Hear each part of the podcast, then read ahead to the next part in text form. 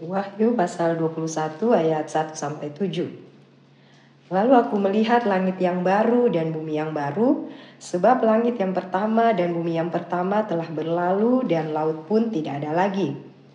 Aku juga melihat kota yang kudus, Yerusalem yang baru, turun dari sorga, dari Allah yang berhias bagaikan pengantin perempuan yang berdandan untuk suaminya. Lalu aku mendengar suara yang nyaring dari tahta itu berkata, Lihatlah, Kemah Allah ada di tengah-tengah manusia dan ia akan tinggal bersama-sama dengan mereka. Mereka akan menjadi umatnya dan Allah sendiri akan menyertai mereka dan menjadi Allah mereka. Ia akan menghapus segala air mata dari mata mereka dan maut tidak akan ada lagi, tidak akan ada lagi perkabungan atau ratap tangis atau duka cita, sebab segala sesuatu yang lama itu telah berlalu. Ia yang duduk di atas tahta itu berkata, Lihatlah, aku menjadikan segala sesuatu baru. Lalu firmannya, Tuliskanlah, karena segala perkataan ini dapat dipercaya dan benar. Firmannya lagi kepadaku, Semuanya telah terjadi. Akulah Alfa dan Omega, yang awal dan yang akhir. Orang yang haus akan ku beri minum dengan cuma-cuma dari mata air kehidupan. Siapa yang menang, ia akan memperoleh semuanya ini, dan aku akan menjadi Allahnya, dan ia akan menjadi anakku. Amin. Bapak Ibu, saudara-saudari dan adik-adik yang yang dikasih Tuhan, kalau pada minggu yang lalu kita berbicara tentang surga tingkat yang ketiga, itu sudah termasuk uh, tingkatan yang tinggi ya. Tetapi yang paling tinggi dan yang paling mulia dan paling indah di kerajaan sorga menurut pengalaman kami waktu Tuhan membawa ke sorga yaitu yang disebut kota Yerusalem baru. Yerusalem baru itu adalah ibu kotanya kerajaan sorga.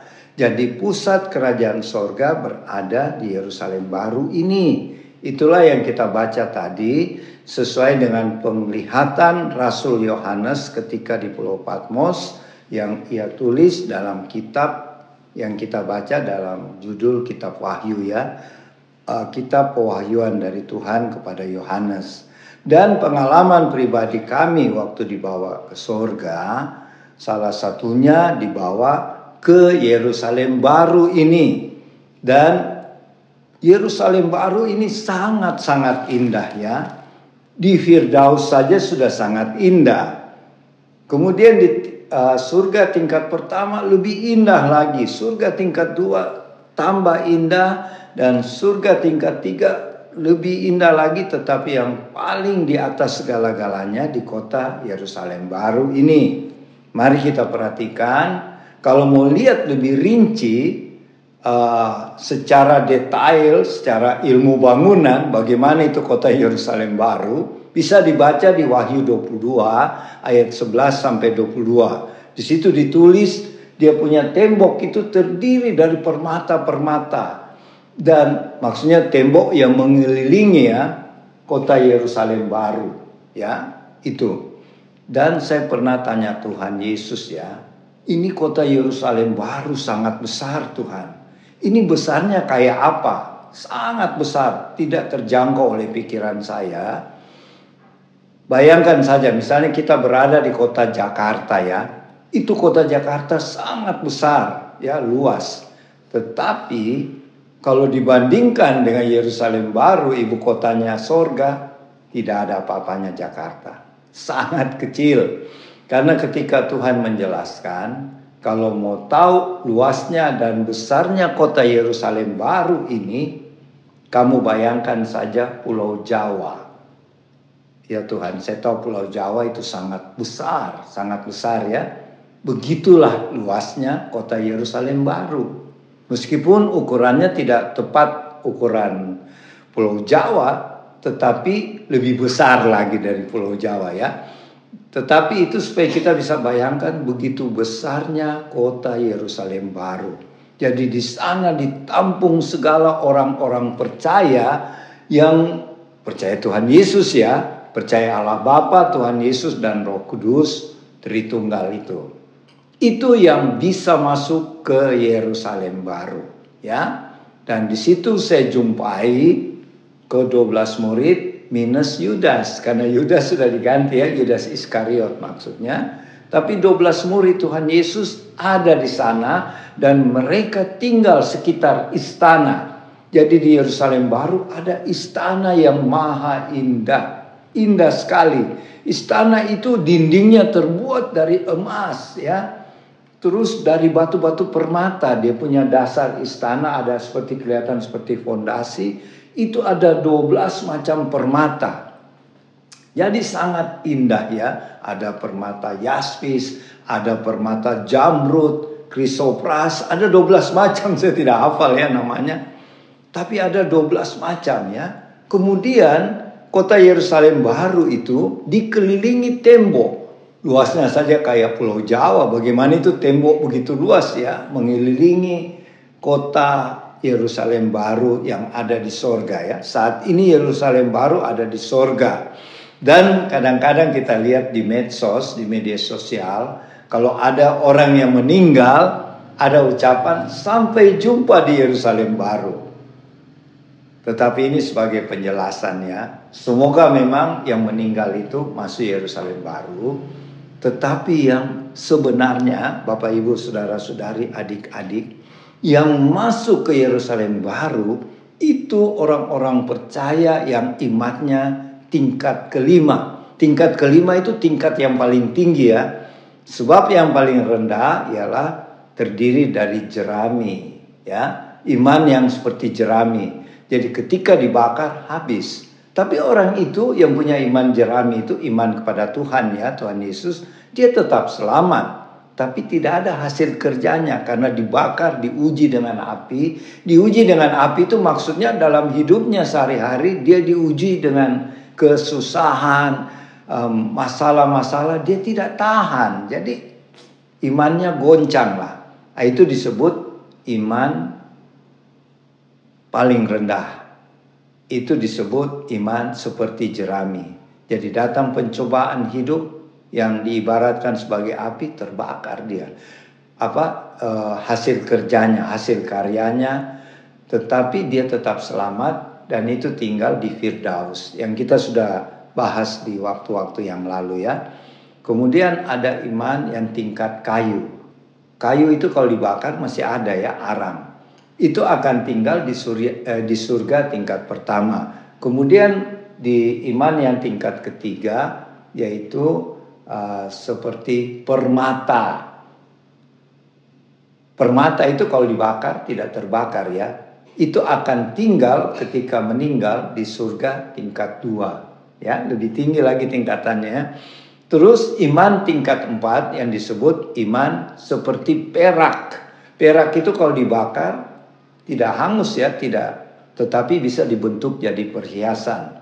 Jadi iman tingkat perak ini akan menduduki atau tinggal di surga tingkat tiga. Itu sudah tinggi sekali ya.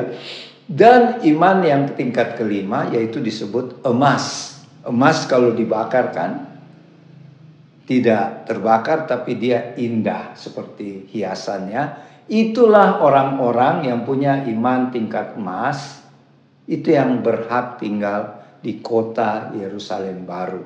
Jadi melalui pemberitaan firman pada siang hari ini, marilah kita berlomba-lomba dalam imannya.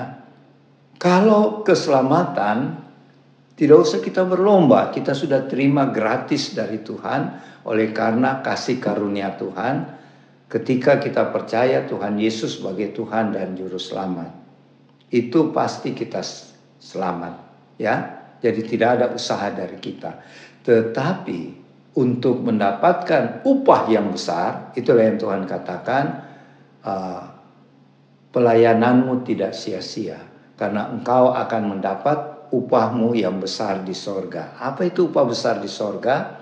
Kita mendapat rumah tempat tinggal sesuai dengan tingkat pelayanan kita waktu hidup di bumi. Dan yang kedua kita mendapat mahkota. Jadi selain tempat tinggal, mendapat mahkota juga. Kalau di Yerusalem baru mahkotanya disebut mahkota kebenaran atau bahasa lainnya mahkota emas karena dia uh, terdiri dari emas murni dan ada batu-batu permatanya ya. Itu yang didapatkan oleh orang-orang yang imannya tingkatnya seperti emas yang berhak tinggal mendapat tempat tinggal, rumah yang indah-indah yang bertingkat-tingkat ada tamannya, ada kolam. Kalau memang kita hobi misalnya berenang, Tuhan sediakan kolam renang. Kalau kita suka taman, dikasih taman. Kalau di surga tingkat tiga, itu disediakan yang paling kita suka. Misalnya kita suka uh, menari, Tuhan sediakan hall untuk menari. Tapi yang paling kita suka. Tetapi di surga Yerusalem baru, apa pun yang kita suka Tuhan berikan. Jadi misalnya saya suka berenang, Tuhan sediakan kolam renang di rumah saya. Kalau kita suka olahraga, misalnya main golf, Tuhan sediakan lapangan golf. Jadi apa yang kita sukai, yang kita rindu-rindukan di bumi, Tuhan sediakan semua di Yerusalem baru. Jadi tinggal di surga itu di luar jangkauan kita manusia ya. Tetapi waktu saya di bawah saya lihat, aduh luar biasa ini sorga ya. Apa yang kita tidak dapat di bumi, tapi waktu kita di bumi rindukan, kita dapat nanti di sorga semuanya. Ya, jadi di Yerusalem baru itu dikelilingi tembok yang besar dan di sebelah barat, timur, utara, selatan di keempat uh, ujung-ujungnya ada pintu-pintu gerbang yang terdiri dari tiga. Jadi kalau empat sisi, utara, selatan, timur, barat, masing-masing sisi itu tiga, tiga pintu gerbang. Total pintu gerbang yang ada di Yerusalem baru ada 12 pintu gerbang. Dan pintu gerbang itu pintunya terbuat dari mutiara. Indah ya, susah dibayangkan ya Pintu gerbang itu di, terbuat dari mutiara. Jadi indah sekali di bumi tidak ada ya. Jadi Bapak Ibu saudara-saudari, kemudian istananya tadi saya sudah jelaskan dindingnya terdiri dari 12 batu permata. Jadi indah sekali ya.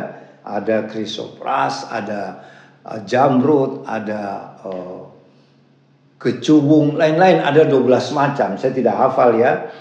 Kemudian uh, itu istananya ya. Istana itu apa? Tempat Tuhan bertahta ya. Dan di istana itu waktu saya dibawa Tuhan, ah, ini disaksikan oleh saudara-saudara kita dari kaum Kedar Nebayot.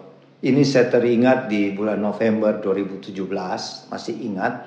Waktu saya dibawa Tuhan, Tuhan Yesus bawa ke istana ini di Yerusalem baru itu disaksikan oleh saudara-saudara kami dari kaum Kedar Nebayot yaitu ada 12 syekh. Mereka melihat saya di alam supernatural, di alam goib, saya dibawa oleh seorang malaikat menghadap Tuhan Yesus di satu istana yang besar. Inilah, inilah istana di Yerusalem baru. Dan ketika saya dibawa, saya diberikan Tuhan perintah untuk pergi ke Israel pada waktu itu untuk menginjili 12 suku Israel ya. Dan itu sudah terlaksana ya pada bulan Desember hari Natal 25 Desember 2017 kami tim Warlot sudah menjalankan perintah Tuhan Yesus ini yang saya terima di istana di kota Yerusalem baru di surga Istana ini terdiri dari tiga lantai ya.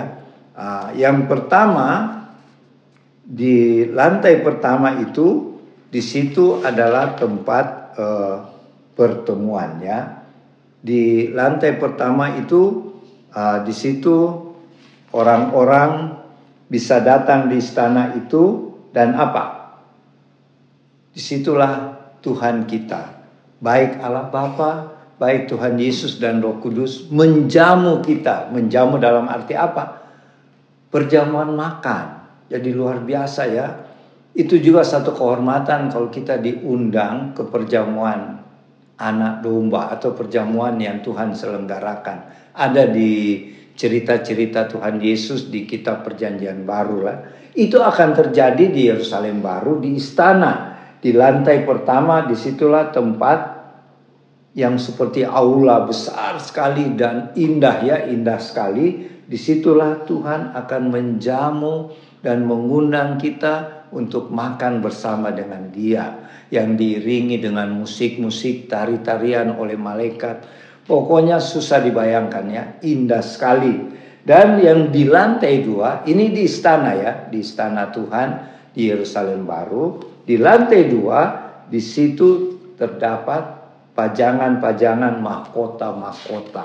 Mahkota-mahkota yang indah yang akan Tuhan berikan kepada kita sesuai dengan perbuatan kita di bumi, pelayanan kita, kesaksian kita di bumi ya kita akan mendapat mahkota juga dan di lantai dua istana situ ada pakaian-pakaian yang indah-indah dan juga cindera-cindera mata oleh-oleh jadi kalau kita misalnya saya tinggal di misalnya ya di Firdaus atau di surga tingkat pertama, tingkat kedua, tingkat ketiga bisa jalan-jalan ke Yerusalem baru bisa ya di situ kita bisa mendapat cindera mata oleh-oleh dari kota Yerusalem baru. Kita bisa mendapatkan pakaian-pakaian yang indah.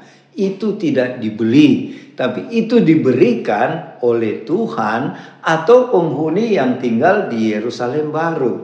Ya, Ya, misalnya Oma tinggal, Oma Palar tinggal di Yerusalem baru. Saya misalnya tinggal di surga tingkat dua. Kalau saya berkunjung, yang bisa memberi saya oleh-oleh atau baju-baju indah Oma Palar yang tinggal di Yerusalem baru atau Tuhan sendiri. Itu di lantai dua di istana yang ada di Yerusalem baru. Di lantai tiga karena terdiri dari tiga lantai ya, di situlah saya dibawa malaikat Mikael bertemu dengan Tuhan yang sedang duduk di tahtanya. Siapa itu Tuhan Yesus? Tuhan Yesus anak domba Allah lagi tutup duduk di atas tahta di lantai tiga istana di Yerusalem baru. Itulah yang dilihat oleh saudara-saudara kita dari kaum Kedar Nebayot waktu saya dibawa ke sana. Itu ya pengalaman saya waktu mengalami pengangkatan uh, dibawa ke surga ke kota Yerusalem baru ya. Dan sekarang di kota Yerusalem baru itu rumahnya indah-indah ya. Bertingkat-tingkat. Tidak seperti di Yerusalem uh, di surga tingkat tiga. Tidak bertingkat-tingkat ya. Cuma satu tingkat saja. Uh, tetapi di Yerusalem baru rumahnya bertingkat-tingkat dan lebih indah. Ada taman-tamannya. Ada uh, ada banyak binatang-binatang yang bagus-bagus. Ada bunga-bunga buah-buahan Tuhan sediakan semua untuk si pemilik rumah. Dan salah satu ciri khasnya di rumah yang di Yerusalem baru ada pelat emas yang terdapat di gerbang rumahnya. Di pelat yang berbentuk emas itu tertulis di situ. Misalnya namanya Abraham, misalnya ya namanya Abraham. Abraham ini dulu pernah melayani di gereja, misalnya gereja Alfa Omega di kota Jakarta, misalnya ya, atau uh, Ibu Elizabeth dia dulu melayani di Warlord Ministry. Jadi di rumahnya di Yerusalem Baru itu ada plat emas yang tertulis kata-kata itu yang ditulis oleh Tuhan sendiri. Jadi luar biasa ya. Tuhan sungguh-sungguh mengasihi kita dan menghargai apa yang kita buat dan layani di bumi ini. Ya, tidak ada yang sia-sia.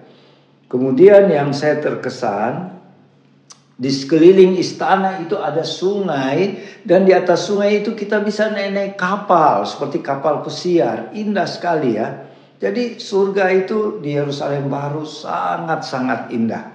Susah saya menjelaskan ya ada juga taman-taman hiburan di mana ada kereta api. Kereta apinya itu berwarna emas dan apa kristal seperti kristal indah lah ya. Jadi eh, banyak fasilitas yang bagus-bagus di Yerusalem baru ya. Tetapi pertanyaannya sekarang, apa syarat-syaratnya supaya kita masuk di Yerusalem baru? Itu ada syarat loh. Syaratnya yaitu kita harus sungguh-sungguh percaya Tuhan Yesus. Kita harus sungguh-sungguh mengikuti perintah-perintah Tuhan Yesus, termasuk kita melayani apa yang menjadi tugas kita sebagai duta-duta Kristus di akhir zaman ini. Setiap orang percaya punya talenta. Jadi itu talenta itu harus dilipat gandakan dalam arti kita pakai dalam pelayanan-pelayanan dan kesaksian kita. Khususnya teman-teman warlot ya. Ini semoga untuk mensupport, untuk membuat kita tambah semangat untuk melayani Tuhan. Supaya kita bisa tinggal di Yerusalem baru ya dan jadi syaratnya kita harus sungguh-sungguh percaya Tuhan Yesus, taat melakukan perintah firman-Nya dan ini yang paling penting. Kita punya hati harus kudus. Kita memiliki hati yang kudus. Apa artinya hati yang kudus? Kita punya hati seperti hati Tuhan Yesus. Tidak ada iri hati, tidak ada kebencian, apalagi akar pahit, tidak ada. Tidak ada uh, perasaan benci sedikit pun tidak ada. Makanya kita harus mengasihi sesama kita seperti Tuhan mengasihi kita. Kalau kita punya semuanya ini, kita pasti masuk Yerusalem baru ya. Dan yang intinya hidup kita itu bisa menyenangkan hati Tuhan. Itulah syarat-syaratnya. Sebenarnya tidak susah ya, tetapi tidak gampang juga harus dipimpin oleh Roh Kudus. Kalau kita pakai hmm, kemampuan kita susah. Jadi marilah kita tetap setia mengasihi uh, taat pada perintah firman Tuhan. Kita rajin berdoa, rajin baca firman dan melakukan firman, rajin bersaksi dan melayani sesama dengan penuh sukacita, dengan hati yang tulus sampai Tuhan Yesus datang jagalah hatinya kita ya. Sebab di situlah terpancar kehidupan kita. Kalau hatinya kita kudus, yang kita pancarkan adalah kemuliaan Tuhan. Sehingga kita satu saat akan tinggal di Yerusalem baru. Semoga apa yang saya sampaikan ini bisa menjadi berkat ya.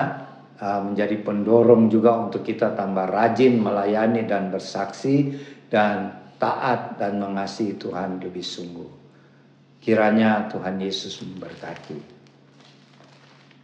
Dan untuk lebih melengkapi lagi, nanti Oma Palar yang uh, menyambung uh, pembahasan firman Tuhan ini.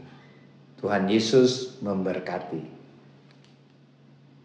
Selamat siang Bapak Ibu, Saudara-saudari, tim Warot di rumah. Kita jumpa lagi pada siang ini saya menambahkan apa yang Opa sedikit menambahkan sedikit apa yang Opa uh, sharing tadi mengenai Wahyu 21 langit baru dan bumi yang baru dan seterusnya. Yang saya mau berbicara di sini bagaimana langit yang baru dan bumi yang baru ya. Itu terjadi seperti yang Opa katakan tadi sesudah kerajaan seribu tahun. Sesudah kerajaan seribu tahun ada hal-hal lagi, ada perang Gog dan Magog. Kita baca saja di, uh, saya tidak mengulangi, kita baca di firman Tuhan di Wahyu ini. Tetapi langit dan bumi baru yang kita baca pada siang ini, itu terjadi setelah kerajaan seribu tahun selesai. Ya, Bagaimana ada yang bertanya, bagaimana yang Opa dan Oma terangkan itu surga dengan tingkatannya. Ya, itu tetap ada. Ya.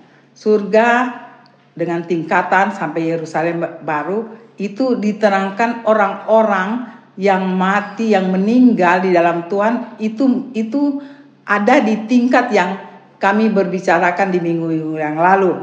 Ya, sekarang bagaimana yang kami kita baca pada siang hari ini langit baru dan bumi baru itu terjadi sesudah kerajaan seribu tahun. Ya, kerajaan seribu tahun di situ akan apa tingkat-tingkatnya itu di bawah di, bumi. Yang saya katakan ada tingkat uh, kerajaan seribu tahun dengan segala kelengkapan kita kita naik. Kita turun bersama Tuhan ya. Nah di situ ada ada hal-hal yang di, di, di dijelaskan di Wahyu yang kita baca sebelum kerajaan seribu tahun. Ya saya sedikit mau mau secara kronologis supaya Bapak Ibu teman-teman bisa mengerti. Kan ada yang bertanya bagaimana nantinya seribu tahun ya bagaimana kerajaan eh, bumi baru langit baru. Saya coba-coba coba untuk me, memberi penjelasan tingkat-tingkatannya ya yang yang sangat jelas yang kita lagi tunggu itulah rapture ya itu akan kita akan dengan Tuhan turun di bumi ya Tuhan memerintah selama seribu tahun. Tetapi sesudah seribu, seribu tahun ada yang kita baca siang ini. Langit baru dan bumi baru. Itu krono, itu tingkatan kronologisnya. Sesudah kerajaan seribu tahun saya ulangi. Tuhan menurunkan langit baru dan bumi baru. Setelah langit baru yang kita baca siang ini, di situ ada Yerusalem baru Kenapa harus bumi baru? Karena bumi yang lama sudah tercemar. Jadi Tuhan menciptakan bumi baru dan langit baru. Itu turun Tuhan yang menciptakan, ya. Dan sesudah Tuhan menciptakan, di situ kronologisnya ada Yerusalem baru. Sesudah itu Yerusalem Yerusalem baru Tuhan turunkan Yerusalem baru di dalam bumi baru.